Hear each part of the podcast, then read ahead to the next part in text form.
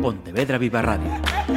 Cara a cara. Damas y caballeros, la Asociación de Directores de Informativos de Radio y Televisión da la bienvenida a Ignacio Landín.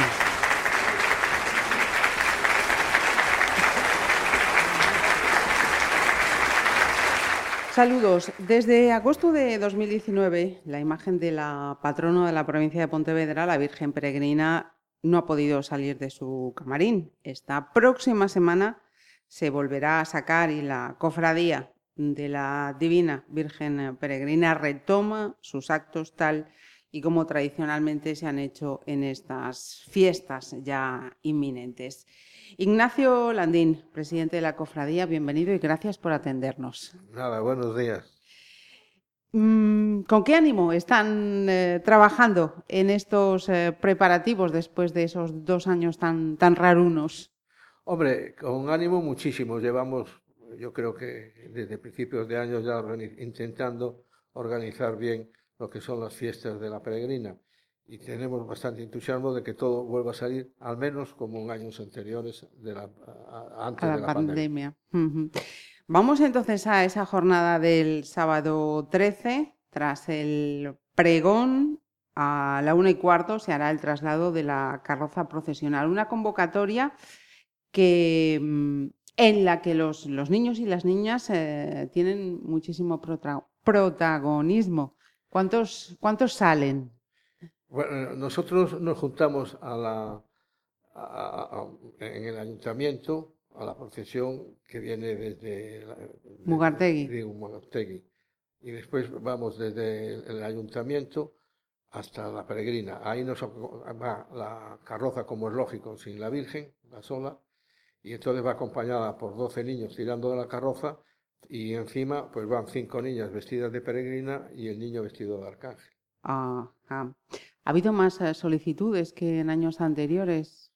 Hay bastantes más solicitudes normalmente, pero eh, más que antes de la pandemia hubo tres o cuatro niñas más y dos niños.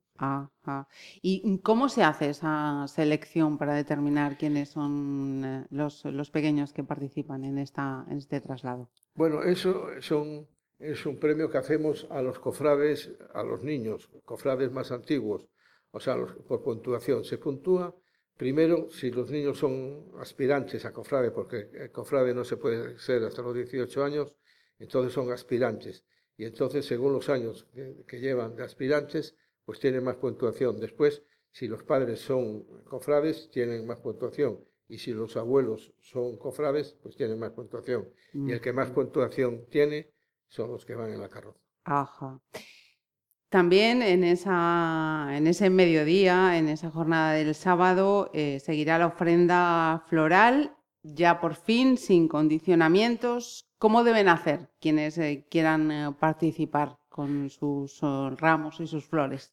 Bueno, las flores lo vamos a organizar de tal forma que la peregrina se entrará por, por, una parte, por la parte derecha de las escaleras habrá unas mesas para que depositen allí las flores y habrá gente encargada de, después de ponerlas en la fachada de la peregrina. Después, los que quieran entrar a visitar a la Virgen entran por un, por un pasillo y salen por el otro, para que no haya mucho... Interferencias y no... Perfecto. Em, pasando al domingo 14, día grande, día de la patrona, la misa pontifical estará presidida por el arzobispo Julián Barrio y tienen confirmada la representación de diputación para esa advocación a la peregrina. Pues, a día de hoy no, pero bueno, me imagino que vendrá, pero de todas formas, si no viniese la diputación, pues invitaríamos a la diputada, a la diputada por Pontevedra o que nos mandasen otra, otra diputada que no fuera oficial, no lo sé, pero sí queremos que sea la, Diputación, ya que es la patrona de la Diputación, y queremos que sea una persona de la Diputación la que haga la ofrenda a la Virgen. En, en, ese caso, que Diputación decline eh, pues, una persona para que haga esa advocación, hablaba de la diputada por la provincia de Pontevedra, en este caso del Partido Popular, Pepa Pardo. Eso es. En caso de que si la Diputación eh, no, no, hace, no quiera venir o no pueda, porque a veces no, no se puede, pues no puedan por las razones que sean, pues entonces declinaríamos y pondríamos a Pepa Pardo, si, si ella pueda también. Ajá. Una misa pontifical que será a las 12 del mediodía. Por la tarde, la segunda de las convocatorias, esa procesión con la danza gremial de las cintas a las 9 de la tarde. Eh, ¿Recordamos el recorrido, Ignacio? Pues sí, saldrá de- del santuario a las nueve en punto, si podemos, porque eso ya depende de la iglesia que tiene que estar, o, el arzobispo, o si no el rector de, la peregrina, que es el párroco de San Bartolomé.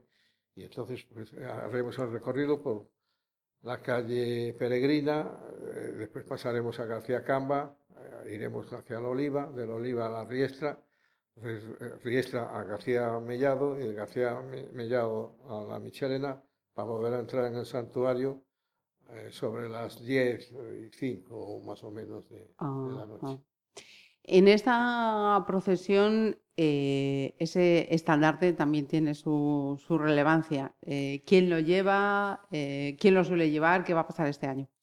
Pues este año es un año especial por el jacobeo, por muchas razones, y entonces la Junta Directiva ha decidido que lo llevase Ignacio Landín, que soy yo el presidente, y entonces, pero que lo llevo en nombre de todos los cofrades, no en nombre mío. O sea, eh, este año el estandarte lo va a llevar la cofradía, por lo tanto, como presidente lo portaré yo. Ajá. Porque en ocasiones son- eh, anteriores, ¿quién se, de- quién se designaba? Pues a personas distinguidas, eh, o sea, lo llevo pues desde el director de la Escuela Naval al, al presidente de- del puerto, a gente que tenían distinciones, lo llevó la comisaria de la Policía Nacional, el general de la Brila, o sea, pues personas distinguidas que lo llevaban siempre, o personas de Pontevedra.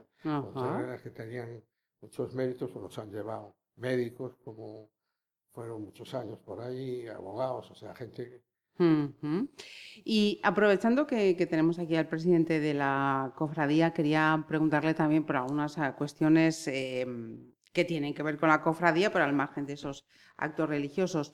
Eh, ¿ya se sabe qué, traje y qué manto va a llevar eh, la, la imagen de la peregrina ese fin de semana?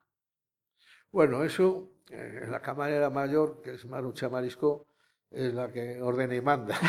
Nosotros hacemos caso, pero bueno, todos los años lleva eh, un traje blanco precioso y después uno de estos días, no sé si el sábado o el domingo o cualquiera, me imagino que llevará el manto azul que hemos reparado hace tres o cuatro años. Ajá. Eh, el resto de, de esta semana, de estos días previos para la novena, el resto de semana festiva, ¿lleva otro traje diferente? ¿Se le cambia todos los días? ya dije que Es, es ella. es ella la que manda, pero bueno, yo creo que en toda la semana llevará dos o tres trajes distintos. Em, no solamente es el traje y el manto, también eh, la Virgen lleva otra serie de complementos. ¿Cuáles son? Uy, lleva todos, desde una peluca a, a todos los complementos pendientes y todo. eh, eh, va vestida, como dice ella, tiene cosas, lo tiene ella muy de su mano.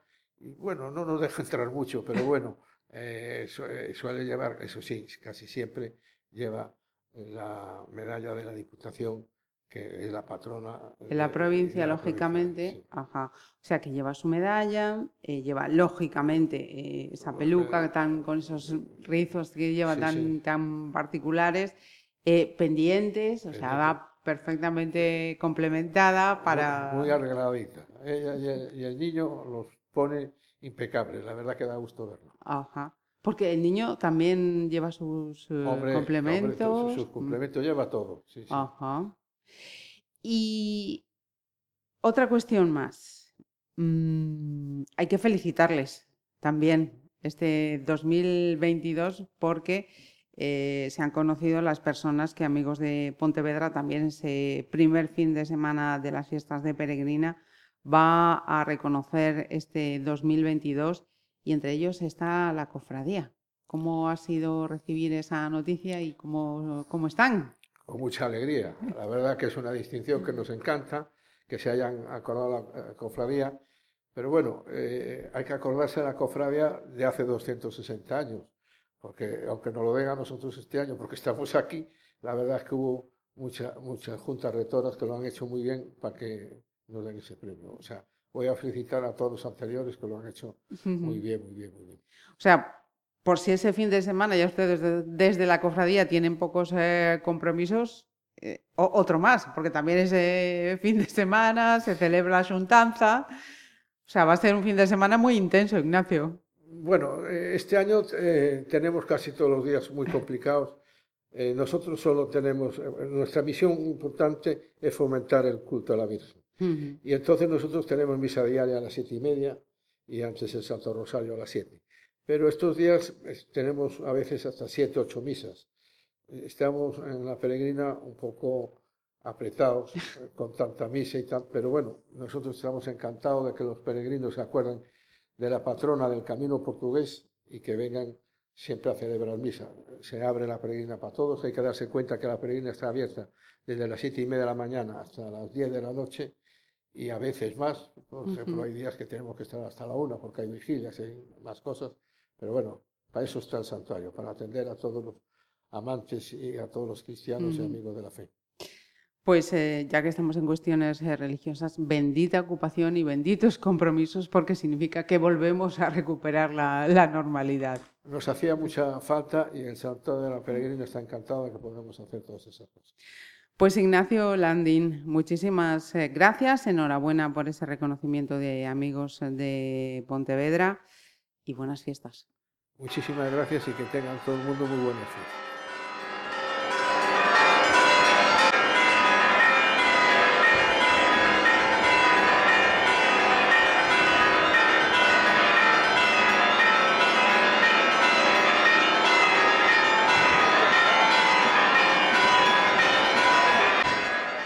Pontevedra Viva Radio.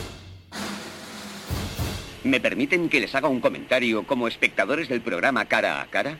Según un reciente sondeo de mercado, ustedes disponen de estudios e inteligencias superiores a la media. Sus intereses abarcan desde la actualidad mundial y la ciencia hasta el deporte y los espectáculos.